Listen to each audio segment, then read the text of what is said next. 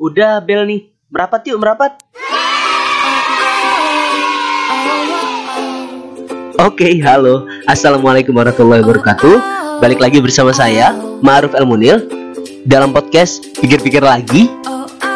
Untuk teman-teman yang baru pertama kali gabung di podcast Pikir-pikir lagi, jadi podcast ini adalah podcast yang concern terhadap isu-isu pengembangan diri, isu psikologi dan juga isu-isu kepemudaan.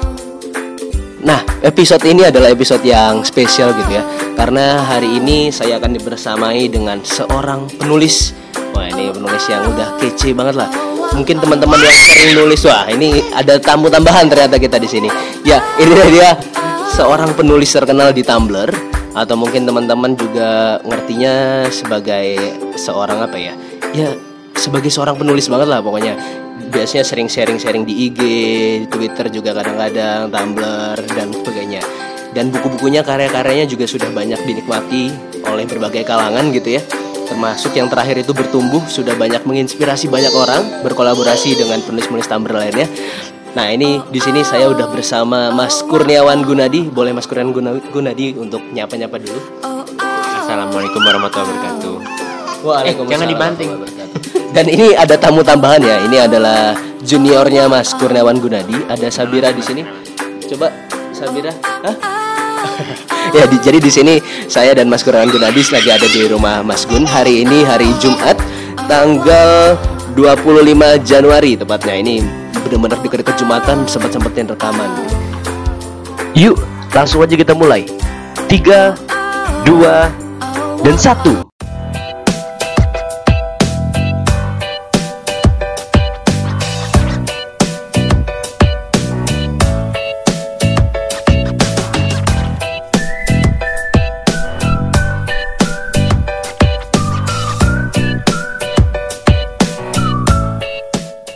Jadi garis besarnya pada episode kali ini akan membahas tentang quarter life crisis. Nah ini kan nih teman-teman ini banyak banget yang request kemarin ke saya, Mas bahas dong quarter life crisis. Nah bi- karena biasanya saya cuma monolog gitu ya, saya cuma ngobrol sharing sendiri. Karena saya merasa agak kurang pantas membicarakan tentang quarter life crisis. Karena apa? Ya karena saya sendiri umurnya masih 23 gitu ya saat ini saat ini masih 23 terus ngerasa kayaknya belum ngelewatin nih quarter life crisis nah sedangkan Mas Kun ini Mas Kun udah udah umur berapa sih Mas kalau boleh tahu Mas Dua puluhan. 20-an 20-an. di atas quarter lah Ya, ibaratnya. pokoknya dua puluhan aja masih muda. masih muda alhamdulillah jadi Mas Gun ini kan sudah berkeluarga anaknya juga sudah dua tahun ya Mas ya Satu tahun. Oh satu tahun Anaknya Mas Gun ini sudah satu Sedikit cerita Mas Gun ini Mungkin kalau untuk teman-teman yang belum tahu Mas Gun ini dulu kuliah di ITB ya Mas ya? Kuliah di ITB Jurusan Desain Produk. Eh, Desain Produk.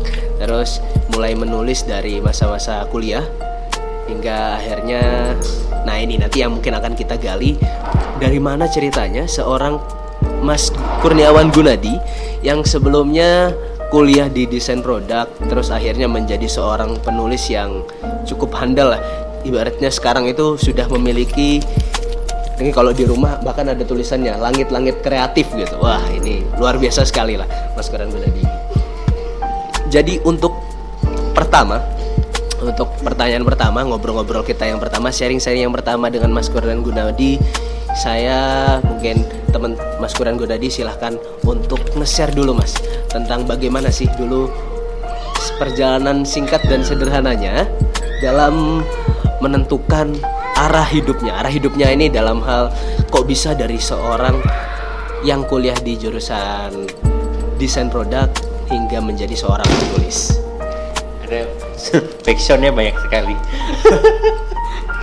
ya nggak apa-apa Maaf ya barusan sambil ini barusan itu di belakang layar itu sambil lari-lari ngejar anak sebagainya sampai terus Ma'ruf ngomong sendiri. Tuh.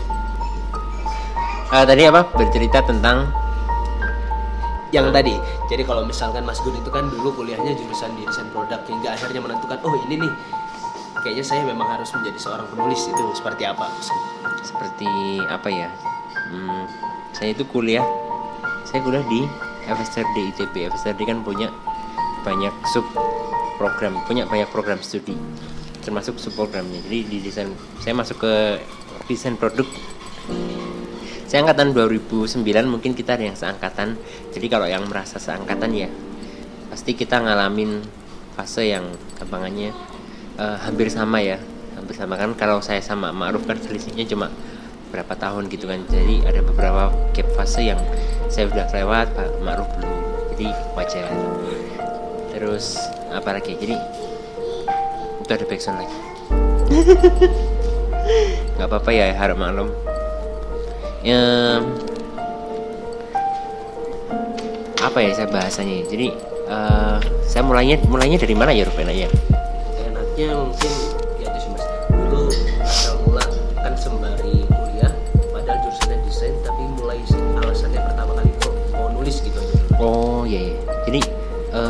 apa yang saya apa yang saya tekuni sekarang itu bukanlah sesuatu yang saya cita-citakan.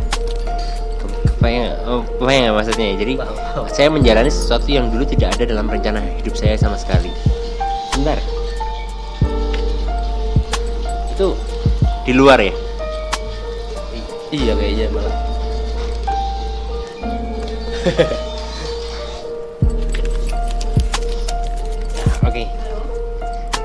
jadi eh, saya menjalani eh, saya menekuni sesuatu yang dulu tidak ada dalam rencana hidup saya sama sekali.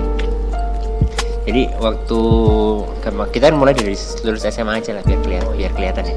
Jadi eh, dulu saya cu dulu saya berpikir bahwa eh, saya ingin menjadi seperti kakak-kakak kelas saya. Kalau kita dulu waktu SMA kan pasti ada alumni alumni yang datang pakai jaket alma mater terus kayaknya keren banget itu kan ya. Keren banget Keren. kuliahnya di universitas keren gitu. Mm-mm, ya, ya dengan jurusannya atau dengan ya pokoknya rasanya beda aja lah. Terus saya pengen menjadi seperti dia terus masuk ke jurusan-jurusan yang bergengsi. Kalau udah angkatan 2009 itu yang bergengsi itu eh, karena saya nggak mau kedokteran yang bergengsi pada waktu itu adalah eh, informatika. Pada waktu itu. Nah, jadi kayak lagi booming gitu loh.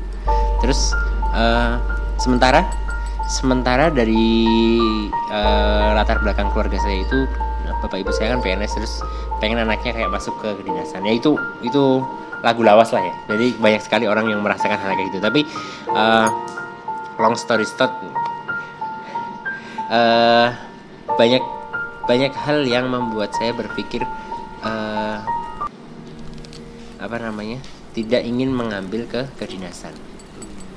Karena apa? Karena saya nggak mau. Udah kayak gitu aja. Tapi pada waktu itu saya berpikir mungkin dengan cara berpikir anak SMA, cara berpikir anak SMA ya saya merasa wah nanti kalau saya di kedinasan eh, nggak bisa main nggak bisa main gitu kan ya. Terus nggak bisa bebas itu pakai pakai pakai baju bebas gitulah ya gampangannya gitu. Terus eh, ya seperti itu itu yang dalam pikiran pendek saya pada waktu itu. Dan itu membuat saya harus eh, membuat keputusan besar.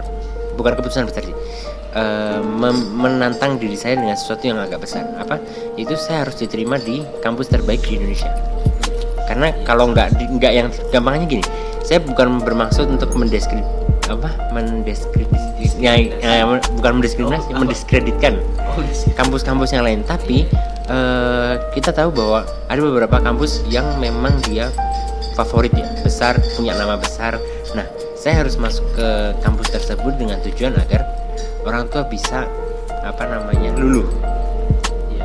bayangkan ya kalau misalnya saya diterima di stan misalnya terus satunya kampus yang orang nggak kenal gitu misalnya. Pasti yang disuruh milih kan stannya. Iya. jadi saya harus ngambil sesuatu yang di atas itu gitu. Hmm, jadi dulu saya hanya daftar di Universitas Indonesia dan di Institut Teknologi Bandung. Hanya dua kampus itu yang saya daftar.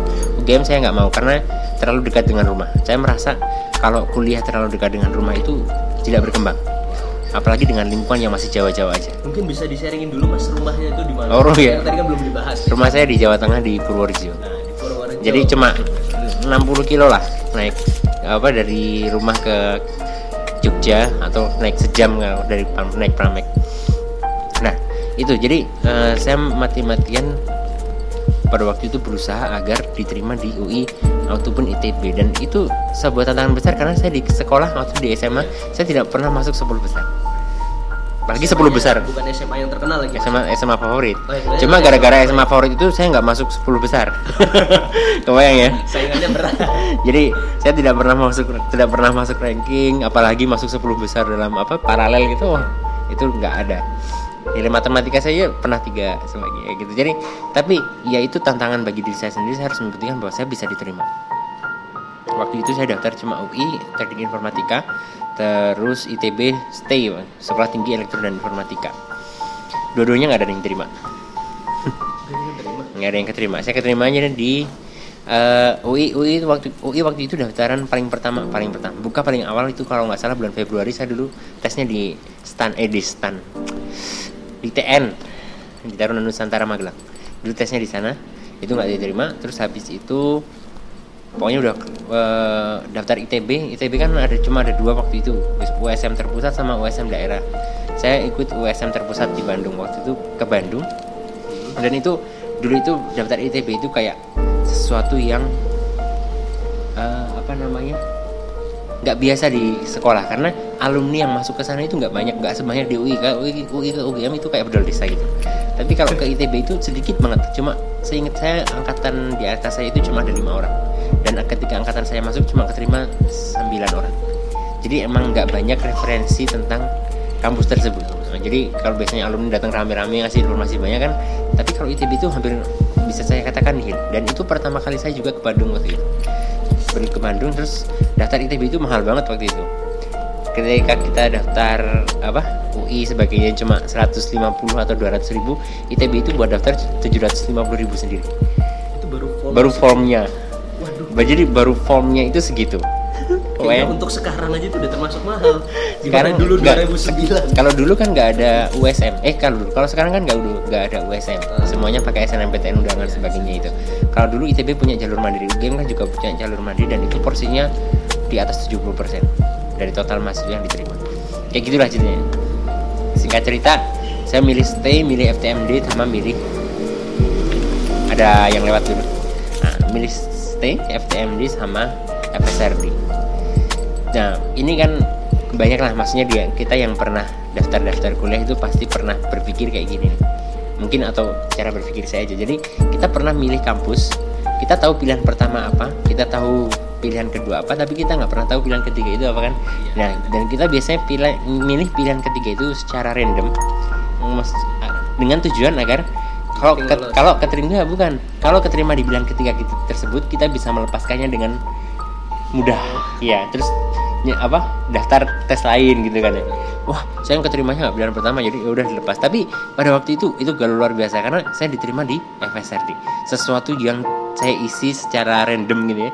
Karena itu saya bener random gak? random. Maksudnya dalam artian saya benar-benar nggak berencana untuk masuk itu.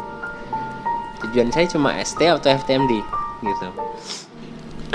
Jadi menarik lah. Jadi kalau misalnya iya, iya. ngisi UGM kan kedokteran terus psikologi habis itu perikanan misalnya misalnya perikanan. Jadi kalau keterima ke yang ketiga ya udah saya mau daftar di Unpad atau di mana Erlangga atau di mana. Tujuannya kan biasanya kayak gitu. Nah saya juga berpikir seperti itu waktu, waktu itu. Akhirnya uh, istihoroh tapi itu di situ belum ada daftar di tempat lain? Enggak enggak karena gini. Ketika kita misalnya mau daftar ulang di ITB uh. itu bersama dengan SNMPTN Nah, ini yang menarik ya. Jadi sambil saya istiqoroh, saya daftar SNMPTN.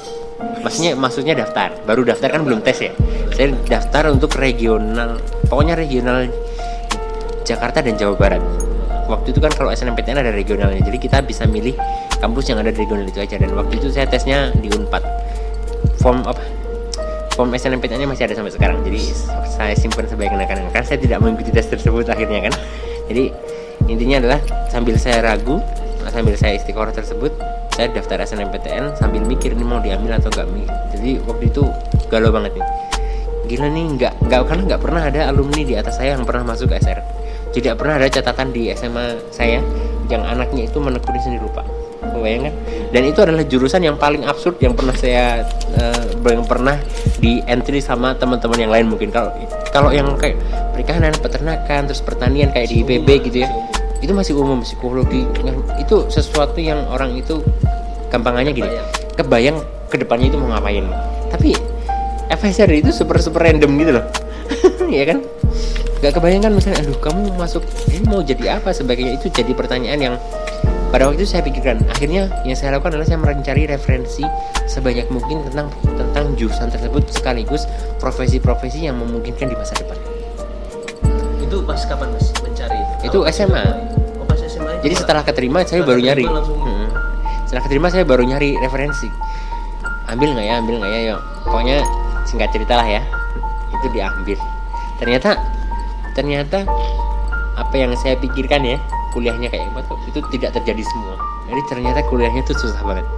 Terus jadi kalau dari sisi orang tuanya tadi kayaknya belum dibahas. Oh, kalau iya. dari sisi orang tua akhirnya membolehkan untuk di ITB aja, nggak jadi di stan gitu atau oh itu karena apa? karena gini karena ada karena ada itb Oh, karena itu aja. Karena ada ITB -nya. faktor lain yang kebayang gini gini kamu kalau kamu diterima di UI misalnya jurusan apa pun kan yang kelihatan UI-nya bukan Iya, jurusannya iya, bukan sama jurusannya.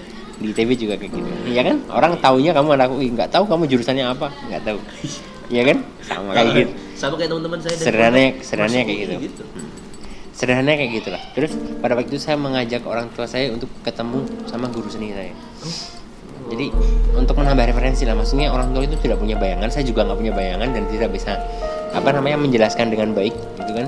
Saya butuh orang lain yang backgroundnya backgroundnya memang Mirip. Bukan mirip memang background latar belakangnya itu. Seni rupa. Jadi bukan pendidikan seni tapi seni rupa murni. Jadi punya latar pendidikan eh, eh, latar belakang seni rupa terus menjelaskan ke orang tua saya seni seni itu nanti kayak gini kayak gini kayak gini apa yang akan dipelajari apa yang jadi kayak gitu kalau kita ya kita misalnya orang sebagai anak itu saya juga belajar sih misalnya kamu pengen masuk jurusan sesuatu yang orang tua itu nggak ngerti gitu dan kamu tidak bisa menjelaskan jurusan tersebut ya ajaklah orang kamu ke acara-acara atau ke kegiatan-kegiatan yang ada orang ada orang dengan latar belakang tersebut atau ajak orang tersebut ke rumah. Atau ajak orang tua bertamu ke rumah orang tersebut untuk menjelaskan. Nah itu itu sangat berguna. Ini kayak gitu karena pada waktu mau lulus pun saya melakukan hal yang sama. Gitu. Terus eh, intinya saya akhirnya ngambil dengan Bismillah lah ya Bismillah saya ambil dan akhirnya saya tahu perkuliahannya emang sama sekali nggak mudah. Gila itu seni rupa itu kayaknya apa ya ini kuliah itu ilmunya itu bagus banget tapi mungkin gara-gara saya tidak punya background seni sama sekali. Ya jadi jadi berat karena karena kayak teman saya itu dia kayak coret-coret gitu jadi bagus banget gitu kan bete. Dan seni rupa itu ilmu yang tidak bukan eksak jadi kita tidak bisa menghafal. Kebayang kan terus kita tidak bisa juga mencontek. Misalnya gini saya dengan Ma'ruf sebelahan terus ada objek yang sama sama-sama ayam misalnya. Terus kita suruh gambar pasti gambarnya hasilnya beda. Iya. kebayang kan? Iya. kalau matematika ada soal di depan satu kelas jawabannya sama. Tapi kalau seni rupa ada satu kelas 40 orang ada satu objek itu pasti garis tangannya beda semua. Itu yang itu yang bener-bener gila ini mau dibawa jadi uas itu kita bawa pulang juga itu nggak pernah bisa nyontek. Karena ya mau gimana kamu ngerjain sibuk sendiri saya juga sibuk sendiri kan? Mau sebelahan juga sama-sama sibuk sendiri. Nggak bisa saya ah, sini aku kerjain itu nggak bisa sama sekali. Apalagi ada teman sekosan mereka mau ngerjain nggak mungkin bisa gitu kan? Jadi itu itu menarik banget pada waktu itu dan terus terus terang saya termasuk yang ah, menurut saya saya keteteran untuk mengejar. Nah ini nanti nanti ini banyak sekali hal yang dipelajari. Jadi di seluruh itu saya berusaha untuk mengejar teman-teman saya. Kebayang maksudnya? Jadi kayak kamu kamu jurusan apa sih? Lupa. Psikologi. Ya? psikologi misalnya. Psikologi kamu misalnya IPK-nya 3 misalnya. Terus kamu pengen banget kejar IPK-nya yang 3,1 pengen selalu di atasnya di atasnya di atasnya sampai kamu merasa kamu berada di titik puncak. Nah saya merasa pada waktu itu saya berkompetisi Meskipun teman-teman saya tidak merasa saya sedang berkompetisi dengannya kan beda ya. Saya merasa bersaing dengannya, tapi dia tidak merasa disaingin oleh saya. Kan kayak perjuangan sepihak doang gitu kan. Kebayang sih? Kita kejar, kan? kita balapan, tapi cuma satu orang doang yang merasa balapan, tapi yang satunya santai aja gitu. Dan nggak pernah kekejar, kebayang? Karena mereka Satu kayak gift gitu loh, udah udah gift kayak Iya. orang-orang yang berpikir mendalam, orang-orang yang pintar main musik, bernyanyi sebagainya. Mereka itu menurut saya itu gift gitu. Iya, itu tuh anugerah blueprint- Blueprintnya udah ada itu. itu tuh udah anugerah gitu kan. Jadi Iya, iya. dan saya berusaha untuk mencapai sana se apa namanya kayak latihan sebagainya tiap hari terus berkumpul dengan mereka itu bikin saya tambah stres. Iya kan? Iya. Berkumpul dengan orang-orang pintar itu tambah stres malah. Apalagi tahu gapnya cukup besar kan. dan tahu gapnya cukup besar. Akhirnya ini yang itu berlangsung selama eh, ber- bertahun-tahun lah intinya di sini. Lupa bertahun-tahun saya merasa ini kayaknya saya salah jurusan. Jadi dari dari pemicu tersebut ya saya merasa kayak salah jurusan. Terus ya apa terus bingung bingung juga habis lulus bingung juga habis lulus mau ngapain kan? Karena bayangkan misalnya saya dengan dengan kapasitas yang ada sekarang terus teman-teman saya di atas saya pasti kalau daftar kerja sebagainya mereka yang akan diterima dulu diterima lah. bener banget kan Daripada- daripada kita kan nah akhirnya eh, semester 7 ke atas nah ini baru me- menemukan pencerahan nih. eh eh eh. jadi baru menemukan apa namanya kayak semacam wangsit gitu ya ke dalam diri saya kayaknya kalau saya selalu terus menerus berkompetisi dengan bidang yang sama itu saya tidak akan pernah mencapai level saya tidak akan pernah mencapai level yang setara jadi saya di, di hati kita kan enggak. Di hati dan pikiran kita kan kita punya kayak punya parameter gitu ya kita punya kayak kayak kamu makruh misalnya ah, aku sekarang merasa lebih rendah dari Mas Bayu misalnya secara ideal. prestasi segala macam terus kamu pernah merasa di titik kamu lebih dari orang lain. Jadi ada perasaan-perasaan seperti itu. Nah saya merasa saya tidak pernah bisa mencapai level di atas teman-teman saya secara kapasitas ilmu pengetahuan maupun skill gitu. Bukan yang lain. Jadi itu sangat benar-benar di bidang tersebut gitu. Akhirnya akhirnya waktu itu saya ikut banyak sekali pelatihan. Jadi saya mulai fokus keluar. Jadi dulu kan fokusnya di dalam Hmm. di kampus. Akhirnya saya fokus keluar nyari kegiatan di luar ikut Salman terus 2014 saya belum lulus juga ikut daftar film gitu kan. Eh, ikut macam-macam. Akhirnya saya menemukan eh apa ya namanya sudut pandang yang baru. Namanya gitu. Sudut pandang yang baru bahwa untuk bisa selevel dengan orang lain kita tidak harus kita tidak harus Buat jalur yang sama. lewat jalur yang sama. Kayak gitu. Kita bisa kita dari misalnya dari Jogja ini kita mau ke Jakarta kalau kita naik kereta terus keretanya beda jadwal itu udah pasti yang jadwalnya terlambat itu nggak akan pernah ngejar ya kan? Tapi bayangkan kalau kita naiknya pesawat keretanya berangkat tadi pagi kita berangkat siang ini masih kekejar untuk sampai Jakarta. Nah cara berpikir seperti itu yang saya gunakan. Saya harus menggunakan cara lain untuk bisa merasa setara minimal setara dengan teman-teman saya yang karyanya keren-keren banget. Tapi emang karyanya keren-keren banget sampai sekarang kalau di Instagram dan sebagainya. Terus apa namanya pencapaian-pencapaiannya. Tapi ya alhamdulillah itu adalah efeknya adalah sampai hari ini ya ketika mereka mencapai posisi tersebut saya tidak meras, tidak pernah merasa ada di bawahnya. Bayangnya jadi gue udah merasa setara dan saya tidak pernah merasa lebih tinggi juga dari mereka. Jadi rasanya udah setara saya merasa mencapai level level saya dia mencapai levelnya dia kayak gitu. Jadi less kompetitif jadinya itu yang- sebentar itu naik kursi jangan-jangan. Oh iya. Udah ada iklan kayak gitu. Kalau yang tadi mas, terus mulai menulis sebenarnya? Mulai menulis dari SMP Dari SMP sebenarnya. Oh dari terus kalau medianya di Tumblr terus mulai banyak yang memberikan respon positif itu berarti? Oke ini ini akan jadi flashback ya jadi sebelum saya memutuskan untuk banting setir dan fokus ke dalam dunia, dunia kepenulisan dunia yang tidak ada dalam rencana saya sama sekali. Dulu ketika masuk desain saya pengen banget jadi otomotif designer dulu. Dulu banget lagi. tapi teman saya yang jadi. Itu dek dek dek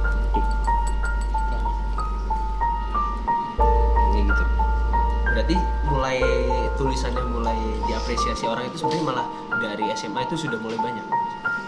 eh gimana ya bahasanya jadi saya nulis dari SMP nulis SMP itu saya tahun 2003 tahun 2003 kamu masih SD ya? Iya, masih TK SD. SD jadi 2003 saya nulis di buku catatan buku diary gitu Oh diary. Iya kayak kayak, kayak gini lah. Ya macam-macam lah. Nah di situ saya bikin beberapa buku, maksudnya beberapa buku itu beberapa buku tulis itu, tapi isinya tulisan saya doang. Cerpen ya puisi yang macam-macam dan itu dibaca oleh teman-teman sekelas. Jadi kayak muter gitu loh. Bukunya itu muter bahkan berpindah kelas itu. Jadi dipinjam buat dibaca. Kayak gitu. Dan itu berlanjut sampai SMA. Kalau SMA pakai binder dulu. Pakai binder. Tahu ya? Tahu. Sih tahu nih generasi Tuker-tukeran 90-an. kertas ya? Iya. saya ya sama sih tuker-tukeran kertas juga. Maksudnya saya pakai media itu Ah. dan itu tulis dan itu juga berpindah-pindah waktu itu termasuk dibaca oleh guru bahasa saya. Jadi eh, ini yang yang jadi pelajaran penting adalah saya tidak pernah menyangka bahwa apa yang saya lakukan sedari dulu sedari kecil ya saya kecil itu menggambar maksudnya dari kecil menggambar gambar saya masih ada di rumah terus ikut lomba gambar menang sebagainya terus habis itu masuk apa SD biasanya lah masuk sekolah formal pasti jadi rusak nih anaknya jadi saya nggak menggambar saya hampir kehilangan kehilangan media ya waktu itu dan akhirnya saya nulis mulai nulis waktu SMP dan saya tidak pernah menyangka dua hal ini baik menulis ataupun menggambar itu menjadi sesuatu yang bener-bener kayak jalan hidup ya. jalan hidup Iya, gitu iya, loh. iya. Jadi kebayang nggak sih teman-teman kalau teman-teman punya hal kecil ya yang kita lakukan secara rutin ya, secara rutin, kontinu dan punya komit gitu ya. Apa pun bentuknya mau bikin kue, mau ngukir sesuatu, mau melukis, mancing sebagainya. Bayangkan itu menjadi sesuatu hal yang besar di kemudian hari. Itu aktivitas yang kita, saya dulu ketika menjalani sama ketika lulus sebagainya, baik dari SM, SMP sampai saya lulus kuliah saya tidak pernah berpikir bahwa saya akan menjadi penulis. Saya menulis ya karena saya mau menulis aja gitu selesai. Bayangkan dan ya itu rutin gitu rutin terus dan apa namanya saya baru masuk blog masuk dunia maya kan tahun 2010 maksudnya masuk blog. Nah itu tahun 2010 sebelumnya masih medianya masih kertas. Jadi eh, saya tidak pernah menyangka bahwa apa yang saya lakukan secara kontinu dari tahun 2003 sampai tahun 2014 itu menjadi sesuatu yang ke bahasa ininya sesuatu yang menjadi hidup kemudian hari. Hidup dalam artian gini itu hidup secara jiwa tapi hidup secara raga. Karena dari situ juga itu menghasilkan uang gitu kan It- dan itu juga menghasilkan kebahagiaan. Sebentar ini ada iklan.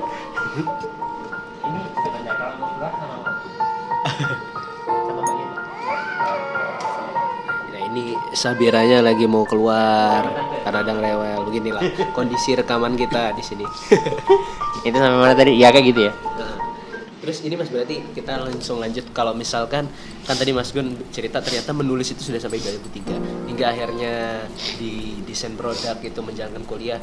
Terus titik di mana Mas yang membuat Mas Gun itu akhirnya memilih oh iya nih berarti aku emang harus menjadi sebagai seorang penulis atau mungkin Oh. content creator atau mungkin bukan bukan di ranah yang sama sebagai di desain produk gitu. ini ini cara ini mungkin bisa di, diterapkan ya bisa diaplikasikan ke setiap orang karena gini Maruf ini psikolog tapi pertanyaan saya nih psikologi ya Iya, udah lulus kan udah. udah. Pertanyaan saya apakah pernah kamu pernah nih tapi nggak masalah. Tapi pertanyaan adalah apakah kamu pernah terjun secara profesional ke dalam bidang psikologi? Pertanyaan. Setelah lulus nih atau sebelum lulus? Sebelum. Secara profesional ya Secara bukan profesional. volunteering bukan? Kalau secara profesional. Belum pernah. Hmm, pernah kalau saya mulai.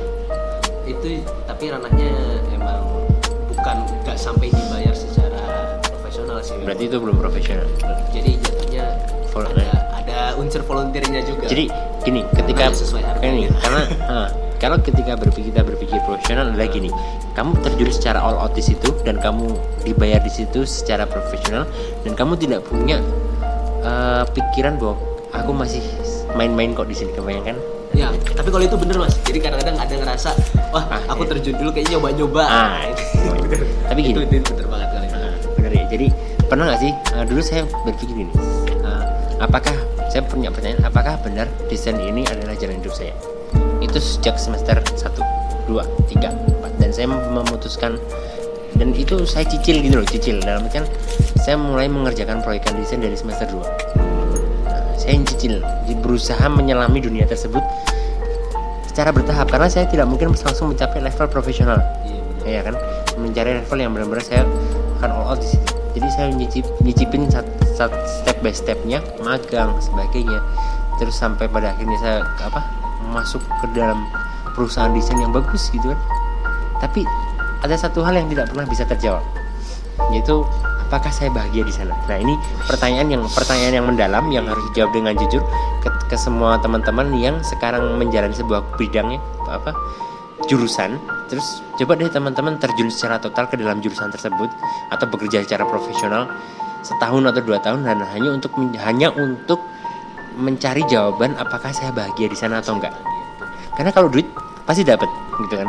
Ada. Maksudnya duit dari pekerjaan tersebut dibayar itu pasti. Tapi pertanyaannya kan bukan ukuran itu yang bikin bahagia atau enggak. Tapi secara batin. Nah itu butuh kejujuran dan butuh analisis yang mendalam. Ya itu kayak gitu dan butuh keberanian buat memutuskan apakah kamu akan stay di sana atau kamu akan totally keluar. Gitu. Iya.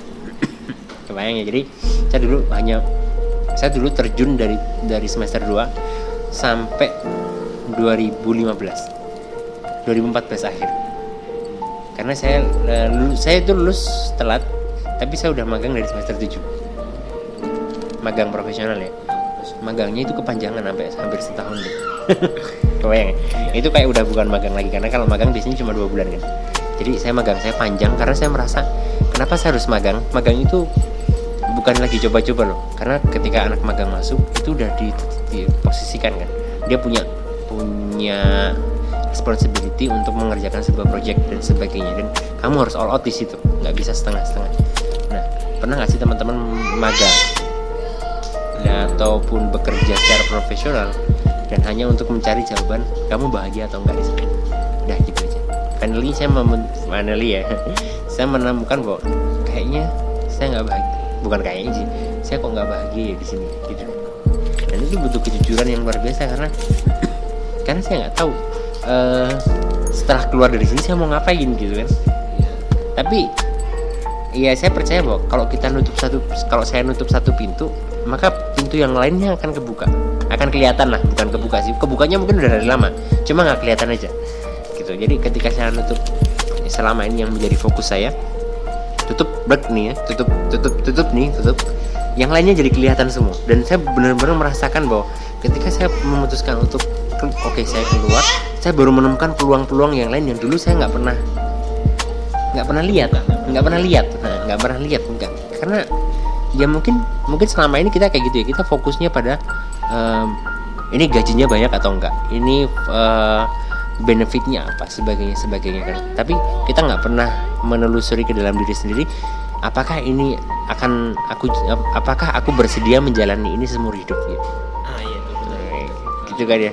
Ada rasa itu. Ada rasa itu ya? iya ini nanti ini sampai tua kayak Ini gini. sampai tua kayak gini aku bosen apa enggak ya ini? Kebayang ya kebayang jadi kayak gitu. Jadi saya nggak mau mm, eh, apa namanya hidup hidup ini kan singkat banget ya. Kalau kita bicara quarter life crisis umur manusia kan nggak nyampe 100 tahun ya. Iya, paling nah dia aja 60-an kan. Kalau kita pakai ukuran itu quarter life crisis sudah dimulai dari usia 17 tahun. Iya, 17 tahun itu kita masih SMA ya. Eh enggak sih. Ya SMA mau kuliah kan usia-usia segitu kan? Ya itulah fase itulah. Itulah fasenya apa namanya life crisis tersebut sebenarnya. Jadi ukurannya bukan dari 20 ke atas tapi udah sebelum itu. Malah sebenarnya karena nah, itu ya. Jadi akhirnya saya melihat peluang yang lain pada waktu itu saya nggak saya masih nggak tahu waktu itu ngapain. Ya udah saya mengisi waktu dengan eh, apa namanya? Nulis. Waktu itu saya balik ke Bandung balik ke Bandung untuk gampangannya gini. Kalau kita nggak tahu mau ngapain ya kalau di rumah kan pasti akan ditanya-tanyain ya. Akhirnya saya saya masih punya tabungan nih. Saya kabur ke Bandung banjir. Kak mama. Mama. Gitu ya jadi eh, saya balik ke Bandung dengan tabungan yang tersisa cuma untuk beberapa bulan. Saya nyari kosan ya. kosan baru karena kos sudah nggak di kosan lama kan nyari kosan baru. Hanya untuk menyepi gitu. Weh, kamu pernah pernah nggak sih eh, kadang-kadang kan orang eh, apa namanya bingung gitu malah sibuk nyari teman ya. Kalau saya bingung malah narik diri narik diri terus ya sambil kosong gitu saya apa nulis terus mengumpulkan tulisan. Terus pada satu titik bulan apa ya bulan Juni 2014 saya me- me- mengeluarkan statement gitu. Ini kalau saya bukukan pada berminat nggak gini nggak ya? Tulisannya. Oh terus ada ada ada respon gitu. Tapi pada waktu itu saya hanya berpikir bahwa ya udah saya pengen bukuin aja buat ngisi kegiatan daripada saya kosong sama sekali gitu kan. Eh, akhirnya saya bikin tapi bikinnya gak yang nggak yang bukan main-main gitu kayaknya nggak. Ketika saya melakukan sesuatu mungkin karena kebiasaan di sini rupa ya saya harus total ketika mengerjakannya. Jadi bikin desain covernya ya seriusan dari editornya juga seriusan gitu kan. Meskipun pada waktu itu kayak sifatnya volunteering siapa dong temen yang mau mau bersedia ngeditin apa ngeditin siapa yang bersedia bikinin desain cover karena nggak punya uang buat bayar kan. Gitu ya itu terjadi gitu terjadi dan ketika saya rilis gitu kan itu responnya di luar ekspektasi. Jadi saya tidak pernah berekspektasi untuk sebanyak itu pada pada waktu itu. Dan justru eh, ketika saya saya mengerjakan ya mengerjakan step itu naskahin ya nulis gitu ya terus ngumpulin terus layouting sebagainya itu saya merasa energi saya itu banyak banget. Kayak kayak nggak ada capeknya lah kampanye gitu. Pernah nggak sih teman-teman kayak di kampus gitu ya mau ngikutin kegiatan atau jadi penelitian sebagainya teman-teman kayak kayak seneng banget ngerjakan itu terus tapi kalau udah nyampe kosan itu rasanya capek karena nggak ngapa-ngapain gitu. Ya, nah itu, itu yang kata orang kan namanya passion. Passion. Itu kan kalau ibaratnya kalau kita ngerjain apa berapa jam itu nggak ada rasa capek nggak ada rasa ngantuk kayak gitu. Jadi saya merasa wih kayak jiwa saya itu bergairah gitu. Bergairah dan saya saya merasa saya malah berpikir di situ apa apakah ini yang harusnya saya jalani? Gitu kan. Akhirnya di tahun di bulan Oktober 2014 nah bulan Oktober 2014 itu buku udah selesai gitu buku udah selesai penjualan sebagainya. Saya kan pulang ke rumah itu kalau nggak salah musim-musim Ramadan deh. Oktober 2014 Eh, akhirnya saya bilang eh, saya bukan bilang sih saya diskusi sama orang tua. Jadi selama ini saya jarang diskusi. Nah, dalam artian diskusi yang sifatnya serius untuk ke depan tentang rencana hidup sih tentang rencana hidup. mungkin kan kadang-kadang anak dan orang tua itu nggak pernah match uh, plannya. Itu gara-gara orang nggak ngerti rencanamu itu apa. Kadang-kadang kan anak saya pengen banget menjadi seorang pendiri startup. Orang tua kan nggak kebayang pendiri startup itu apa. Terus kerjanya ngapain? Terus penghasilannya berapa? Itu nggak kebayang. Finally saya mau saya waktu apa namanya waktu diskusi itu udah udah riset. Satu udah riset bahasanya ya udah riset dan punya data dan punya eh angka gitu. Kan bahasa orang tua nggak bisa ya kita bilang saya pengen jadi eh, anak yang bermanfaat. Bermanfaat itu nggak nggak ada tolak ukurnya. Terlalu luas. Tapi bayangkan kalau kita saya pengen banget jadi anak pintar. Anak pintar itu IPK-nya 4 itu gak clear. Tiga setengah ke atas misalnya. Orang tua itu bisa ngelihat oh ini anakku pintar. Eh, aku bisa survive. Oh ini ada angka gajinya misalnya sekian juta per bulan. Misalnya kayak gitu. Nah saya menggunakan bahasa-bahasa eksak ke orang tua termasuk soal rencana hidup. Mungkin kita bilang ke orang tua eh, pernah mungkin ditanya habis ini kamu mau ngapain? Kamu kita hanya berbicara apa yang akan kita lakukan enam bulan ke depan. Atau empat bulan ke depan atau mungkin paling pol satu tahun ke depan. Pernah nggak sih kamu bicara ke orang tua apa yang akan kamu lakukan per satu tahun sampai 20 tahun yang akan datang pernah nggak? Itu mbak Indah pernah nggak? Nggak pernah kan? Kamu pernah bikin live apa live plan 20 tahun yang akan datang dari waktu itu ya? Dari tahun 2014 10 tahun lagi itu mau ngapain dan per tahunnya itu ngapain dan di tiap tahunnya breakdownnya itu ngapain? Clear ya? Dan itu yang saya lakukan pada waktu itu. Karena karena saya ber, saya menyangka gini saya menyangka saya berasumsi pada waktu itu gini jangan-jangan eh, apa namanya nah, orang tua kan punya keinginan ya dan punya doa gitu saya punya keinginan dan punya doa. Kita nggak pernah ketemu karena doanya beda gitu. Nah itu. Jangan-jangan orang itu tua ya. doain ke sana saya doainnya ke sini gitu. Benar, benar, benar. nah saya tujuan saya adalah bagaimana agar doa orang tua saya itu mendoakan apa yang saya doakan gitu. Kan bukan sebaliknya. Tapi saya pengen banget kan lebih Nah, lah karena gitu. Tapi itu jadi saya men- me- membuatnya itu sedetail mungkin sampai nggak sesi tanya jawab nggak ada pertanyaan. Maksudnya nggak ada pertanyaan lagi yang bagi orang tua itu mengganjal. Karena misalnya gini eh, waktu itu kan 2014 saya membuat rencana sampai 2024 itu berapa tahun ya? 10 tahun ya? 10 tahun. Di situ saya merancang S2 nya itu tahun berapa? Pekerjaannya itu apa? Terus pekerjaannya itu apa ya? Apa? Terus penghasilannya itu berapa? Itu penghasilannya berapa? Ya, buktinya apa? Saya punya saldo rekening. Gitu, waktu itu.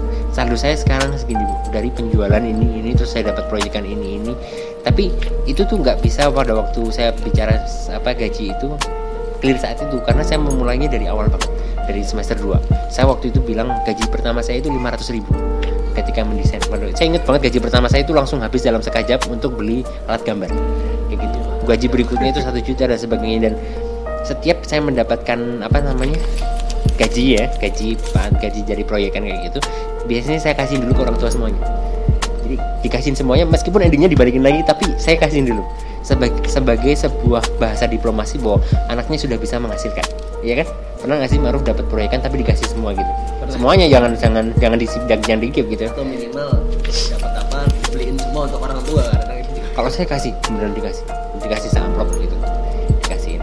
Atau ditransfer. Bu saya dapat ini saya kasih gitu ya nggak? Itu bahasa diplomasi yang dicicil bagi saya waktu itu. Karena ini sebelum sampai sini ya saya punya punya apa ya punya mindset bahwa sebagai anak laki-laki kita harus punya ke kita harus mandiri secara finansial sebelum saya lulus dari kampus ITB jadi sebelum saya lulus dari ITB saya harus punya mandiri finansial berapapun uang yang bisa saya hasilkan. Pada waktu itu gajinya cuma 1,2 juta per bulan pada waktu itu dari 2000 dari semester 6 7 8 itu gajinya cuma sejuta 200 dan itu cukup. Cukup. Dan itu cukup. Itu heran sekarang nggak cukup. Wah jelas sekarang sekarang. udah banyak kebutuhannya. Pada waktu itu kan sendiri ya nggak ada nggak ada macam-macam kan. jadi itu waktu itu cukup luar biasa. Dan apa namanya uh, ya itu tapi dengan dengan gitu saya punya punya bargaining position. Jadi saya punya kemam uh, apa namanya punya kemerdekaan untuk mengambil keputusan. Bayangkan kalau misalnya kita udah lulus nih mbaknya mbak Indah udah lulus ya tapi kita masih dikirim duit dari rumah. Emang masih masih dikirim ya? Ada sedikit. Nah, coba di, ja- jadi bagaimana dulu saya men-challenge diri saya untuk menstop pemberian orang tua di semester 7 Bu saya nggak mau dikasih lagi meskipun orang tetap pengen ngasih sih. Maksudnya ketika orang tua tetap ngasih ya nggak usah dipakai gitu. Kebanyakan nggak banyak gitu. Tapi saya pengen banget itu di stop. Karena saya nggak mau masih ketergantungan apalagi kalau udah mau lulus. Bayangkan kalau misalnya udah lulus terus apa namanya masih dikasih uang jajan gitu ya. Kan nggak enak ya. Aduh mau daftar kerja mau ikut job fair aja masih minta duit gitu kan. Aduh mau membuat keputusan-keputusan besar yang lainnya bingung gitu kan ya. karena kita masih kaki kita masih ada di sana gitu. Nggak, nggak belum berdikari kamu saya udah ber, insya Allah alhamdulillah udah berdikari dari semester 7 jadi keputusan-keputusan berikutnya itu hanya hanya saya pengen bisa membuktikan bahwa ini tuh keputusan yang benar gitu. Nah akhirnya lanjut lagi ya ke pembahasan tadi. Saya bilang di situ pekerjaan saya apa penghasilannya berapa karena ibu udah tahu penghasilan saya itu runtnya berapa. Dan itu tuh habis buat apa aja. Kayak saya beli carrier beli alat gambar terus beli sepeda segala macam. Jadi kebutuhan-kebutuhan tersier saya zaman kuliah itu beli sendiri. Kayak gitu kalau kebutuhan pokok kayak kosan bayar kuliah itu masih disuplai pada waktu itu. Tapi yang tersier udah beli sendiri. Jadi ibu itu udah gampangnya gini orang tua udah termindset bahwa anaknya itu udah punya kemampuan untuk menghasilkan. Karena kadang-kadang kan orang tua masih aduh nanti kamu kasihan kamu nanti hidup susah dan ya kan? Tapi ya alhamdulillah sih orang tua udah udah tahu juga dulu waktu kuliah saya jualan donat gitu kan. Donat itu cukup untuk buat biaya makan sehari. Jadi pokoknya untungnya habis hari di hari itu. Jualan kamera bekas jualan mainan terus jualan jasa, jasa gambar terus ya macam-macam pada waktu itu. Pokoknya yang apa yang bisa saya jual saya jual. Gitu. Terus uh, akhirnya ketika diskusi tentang rencana hidup saya bilang bahwa saya pengen banget menekuni bidang kepenulisan ini. Nah di situ saya kita breakdown nih. Misalnya kamu pengen jadi psikolog maka saya pengen pengen punya biro sebagainya. Saya pengen banget punya kantor kantor ini nanti saya breakdown lagi divisi usahanya itu akan apa aja? Di tahun berapa? Nah, terus apa namanya? Kantornya akan di mana? Saya bilang saya mau di antara di Bandung atau di Yogyakarta. Dan waktu itu saya nyari nyari lahan eh, nyari rumah atau nyari tempat di Bandung sama di Jogja. Karena ini dapatnya kan di Jogja. Tapi udah udah nyari di dua tempat pada waktu itu. Kayak gitu. Terus eh, apa namanya eh, akan menikah tahun berapa? Kalau sama siapanya pasti nggak ada kan? Tapi akan menikah tahun berapa itu sebagai sebuah bahasa diplomasi bahwa nanti kalau saya tiba-tiba pengen nikah orang tua udah siap. Kebayang misalnya Ma'ruf sekarang terus tanpa angin tanpa hujan Pak saya pengen ngelamar anak cewek anak orang. Kan bingung ya orang tua yang nggak ada persiapan. Kayak gitu. Tapi dengan bahasa diplomasi saya waktu itu diplomasi sampai saya mau nikah nikahnya itu kayak gini. Saya pengen banget apa namanya membiayain sendiri. Meskipun endingnya nggak biayain sendiri sih. Pasti itu tapi diyayain aja pada waktu itu jadi saya punya apa namanya gambaran bahwa saya akan menikah tahun sekian dengan Sesuai biaya itu mas tahunnya. enggak. Molor. Sampai ditanyain ini kok molor? gitu kan. Jadi karena orang tua udah tahu rencananya ditanyain lah ditanyain balik lah kok molor gitu kan? Oh ya udah santai aja. Bu kalau ya udah saya besok sore mau nikah. Oh, iya sana. Jadi saya bercandanya itu sampai level gitu. Kamu mau nikah besok sore juga siap. Jadi orang tua secara mental secara finansial secara macam-macam itu udah Kalau udah menyiapkan. karena udah karena udah tahu rencana anaknya kayak gitu gampangnya gitu. Terus eh, mau menikah tahun berapa kayak saya sama Abi aja langsung bilang terus langsung iyain seminggu udah langsung dilamar kayak gitu. Karena orang tua udah siap dan menyerahkan ke anaknya kayak gitu. Terus apa namanya? Apalagi tadi pekerjaan terus karir ke depan terus habis itu rencananya mau ngapain karena saya sampai punya rencana misalnya nanti saya mau balik lagi ke Purworejo sebagainya itu itu detail detail Hmm. So detail meskipun nanti direvisi. Tapi pada waktu itu kan kita rencana ya. Rencana kan pasti mungkin akan berubah dan sebagainya. Tapi yang penting adalah saya punya rencana. Dan orang tua kan tahu tahu rencananya apa kayak kayak waktu awal-awal setelah ACC rencana ya. Kayak saya kayak saya masih di rumah tuh 2014 sampai 2015 karena rumah ini belum jadi. Jadi saya ngambil rumah ini tahun 2014 akhir pembangunannya satu tahun. Jadi saya masih di Projo. Jadi kayak kayak di rumah itu pekerjaan saya kan saya udah bilang bahwa pekerjaan saya itu nulis sebagainya terus pergi-pergi keluar kota nah, di rumah itu kayak apa ya eh tetangga itu bingung oh iya iya iya Ini- Dikira orang pengangguran gitu Iya, dikira dikiranya saya pengangguran gitu kan maksudnya ini orang kerja apa terus pulang-pulang beli mobil gitu kan sebagainya gitu. Kirain deh terus kok kok keluar kota terus gitu. Eh, orang tua sendiri juga bingung sebenarnya menjelaskan pekerjaan saya apa gitu. Saya sendiri juga bingung maksudnya kalau dengan kalau kita seumuran atau di orang apa namanya yang ke, ke- sekarang kan mereka tahu. oh, lah. ngerti lah. Ngerti. tapi ke- ketika bicara dengan orang di desa itu pasti susah menjelaskan itu karena nggak lazim. Pekerjaan yang tidak lazim gitu. Kan nggak kebayang sama sekali ya kerjanya ngapain. Akhirnya ya bapak ibu saya bilangnya kalau bapak atau ibu ya ditanya anak karena kalau biasanya kalau orang-orang dinas gitu ya orang-orang kantor itu kan suka banding bandingin anaknya Iya, ya. Wah, anaknya kerja di mana sekarang? Gitu ya. Anak anakku kerjanya ini di rumah bu. Ngapain kerjanya jalan-jalan gitu? Dan dan maksudnya orang tua itu menjawab sudah seringan itu gitu loh. Ketika ditanya oleh orang lain anaknya itu kerjanya di rumah jalan-jalan dan setiap hari emang cuma di rumah terus di depan komputer terus jalan-jalan nyapu rumah sebenarnya. Nggak kelihatan kerja sama sekali sih emang. Kerjanya kan kayak kalong ya kerjanya kayak kalong terus eh, ya itu ketika orang ketika orang tua bilang kerjaan saya jalan-jalan dan ya itulah yang terjadi. Kerjaan saya jalan-jalan ke mana-mana keliling Indonesia sebagainya kan. Nah itu sih yang terjadi. Intinya adalah orang tua bagaimana caranya adalah bagaimana caranya agar orang tua itu tahu detail kita itu mau ngapain. Gitu. Termasuk bagaimana di dalam rencana tersebut ya bagaimana posisi kita terhadap orang tua dalam artian bagaimana cara kita akan berbakti kepada beliau sebagainya. Kayak saya saya, kan anak tunggal nih tapi saya memutuskan untuk keluar dari rumah. Nggak mau serumah lah gampangnya gitu. Tapi saya punya punya apa namanya punya rencana bahwa nanti setiap minggu setiap dua minggu pulang setiap dua minggu pulang. Dan it's okay gitu loh nggak masalah. Orang tuh udah siap secara mental untuk itu untuk saya keluar dari rumah. Karena saya nggak mau eh, masih diintervensi gitu. Kayak keputusan-keputusan saya kan kayak ya apa pun udah keputusan sendiri kan. Kalau dulu kan kita mau beli motor aja masih sama orang tua. Mau ngurus KTP aja sama orang tua gitu kan. Mau beli baju aja sama orang tua gitu kan. Apalagi anak tunggal. Kan aku juga anak tunggal. Oh iya, ya nggak anak tunggal pun gitu kan. Dulu kan kita segalanya segala sesuatunya diuruskan ya sama sekarang mah ah, beli aja terserah gitu kan. Terserah. Kayak mau beli apa kayak beli apa udah nggak ada pertimbangan. Jadi bener-bener ngurus semuanya itu sendiri.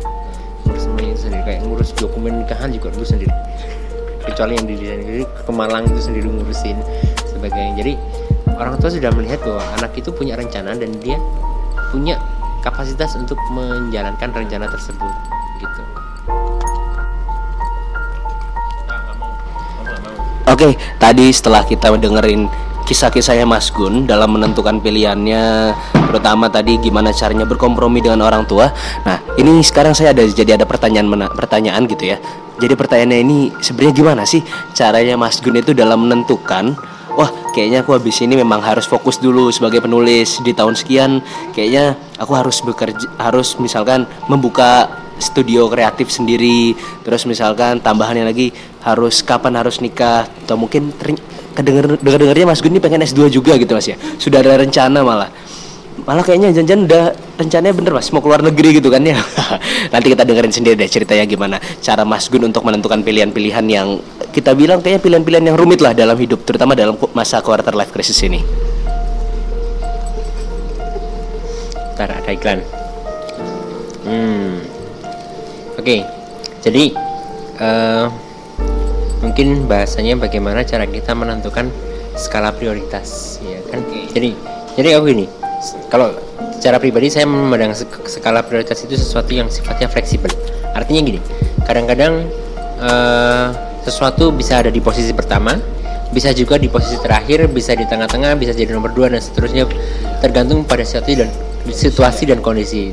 Hanya saja dia menjadi prioritas, hanya tidak menjadi eh, yang pertama gitu. Jadi kalau kita bisa menyusun banyak hal prioritas dalam hidup kita, misalnya makro prioritas 10 tahun ke depan apa sih? Karir uh, rumah tangga misalnya karir rumah tangga rumah tinggal sebagainya. Jadi kita bisa ngelis tuh apa aja yang akan jadi prioritas kita atau goals. Gampangnya kita tahu goalsnya itu apa.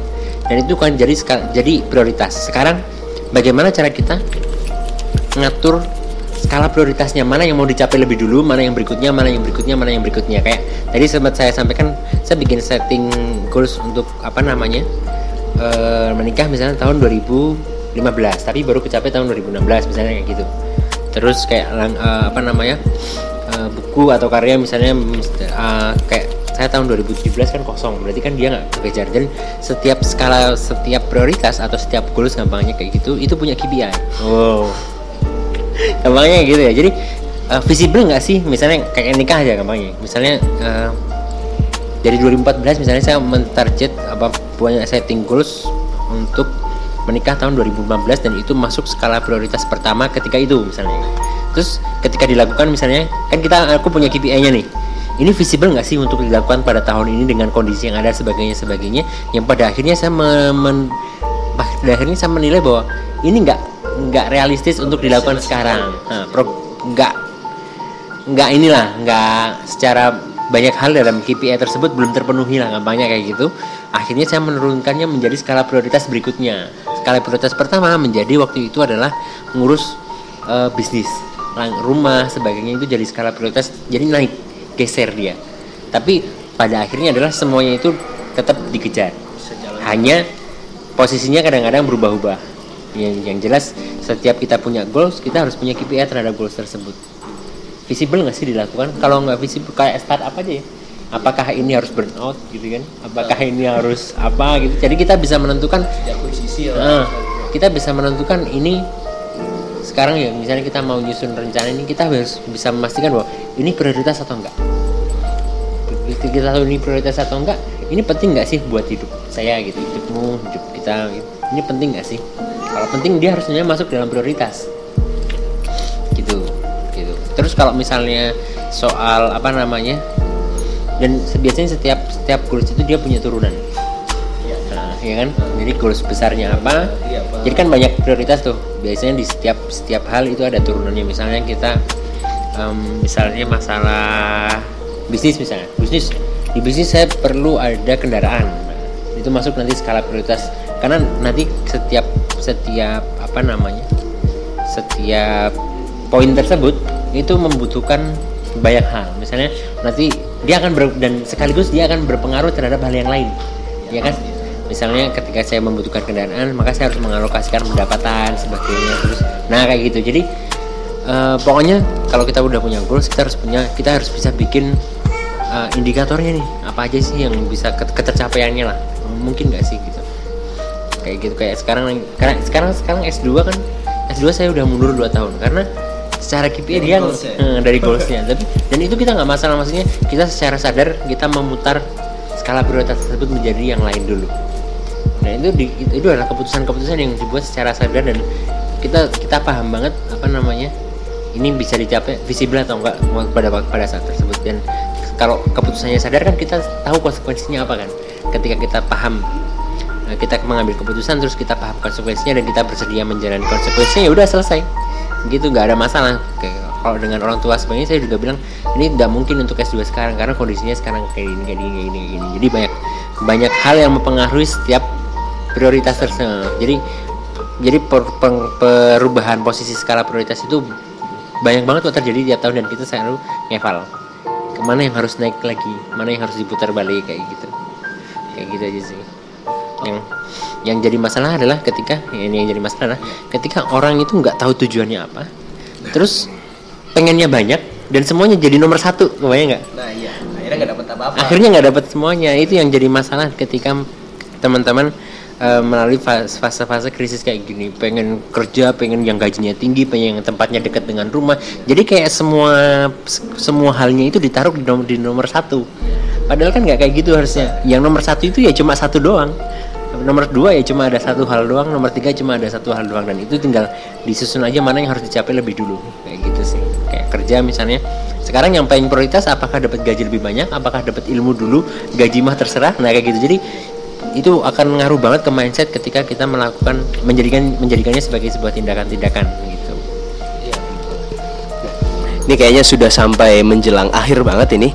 Ini jadi kalau untuk terakhir ini kayaknya saya minta Mas Gun ada dua hal. Pertama, saya minta Mas Gun untuk memberikan nasihat-nasihat, wejangan-wejangan untuk teman-teman yang sedang menghadapi quarter life crisis dan mungkin nanti di akhir boleh Mas Gun sambil share progress tahun ini kira-kira bakal ada project apa supaya nanti bisa sambil dipromo dipromokan gitu. Siapa tahu mau bikin tulisan-tulisan lagi deh apa segala macem. Kayaknya kita perlu tahu juga nih. Apa ya?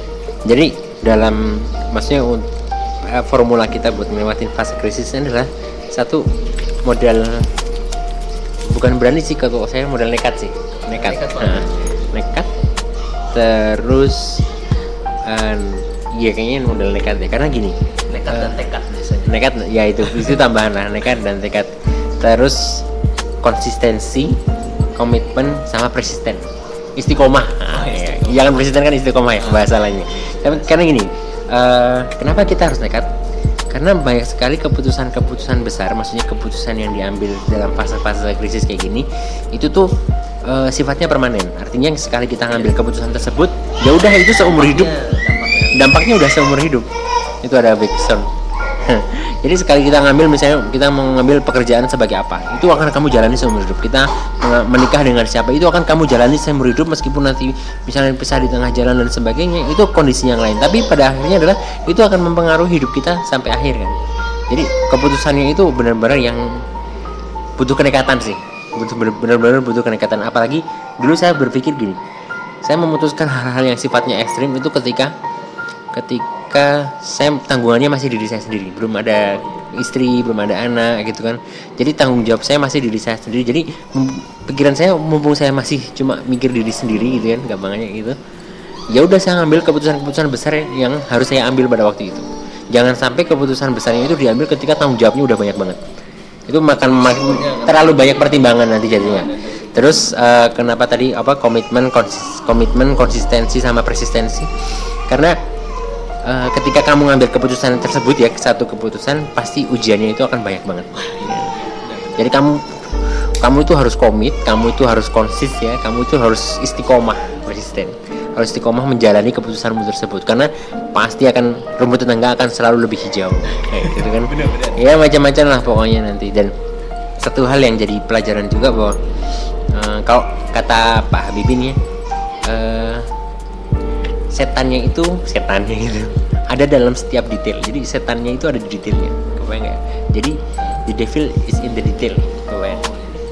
Jadi kebaik kalau kita kita kita analogikan itu ke dalam sebuah kehidupan kehidupan manusia atau kehidupan diri kita sendiri eh, apa namanya? Detail-detail kita setiap hari ngapain? Ya dari bangun tidur habis itu ngapain? Habis itu ngapain? Habis itu ngapain? Kamu ketemu siapa? Kamu membaca apa? Kamu me- apa namanya menulis apa? Kamu ya macam-macam. Detail-detail kayak gitu tuh yang akan berpengaruh besar terhadap hidupmu. Apa ya jadi kita harus fokus kita jangan kalau fokus saya ya waktu itu bukan ke hal yang besar itu apa.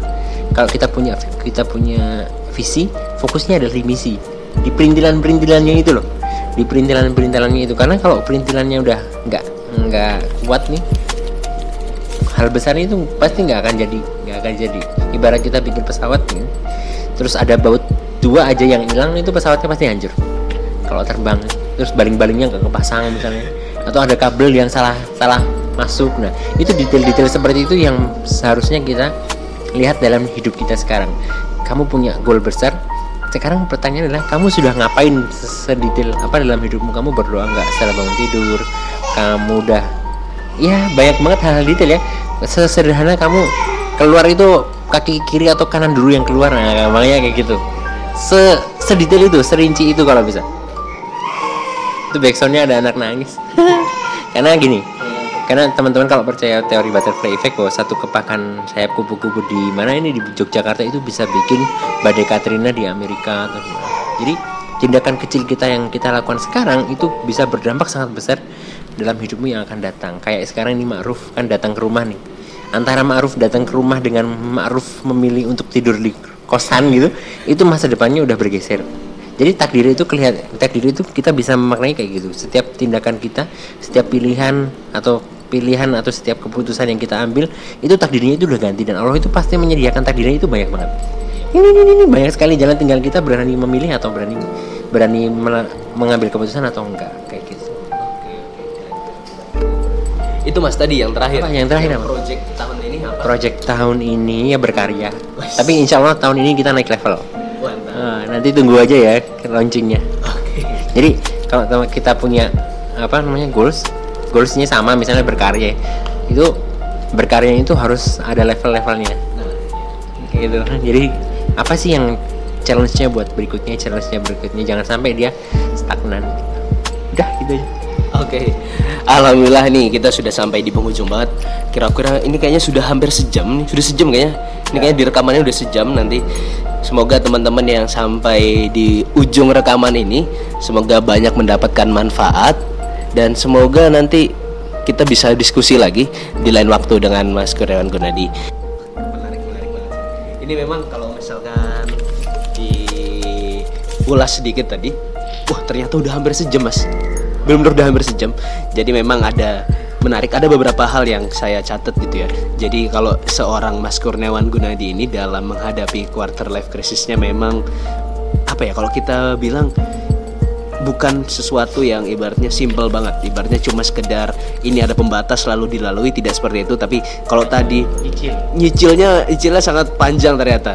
Termasuk tadi nyi- gimana nyicil sebagai seorang penulis ternyata dari SMP terus juga bagaimana supaya bisa berkompromi dengan orang tua itu menjadi tantangan sendiri buat Mas Gun gitu ya. Karena apalagi tadi dijelasin Mas Gun itu bukan dari kota besar di apa dibesarkannya dan juga ternyata Mas Gun ini adalah seorang anak tunggal mengenai quarter life crisis yang saya benar-benar pelajari dari seorang Mas Kurniawan Gunadi.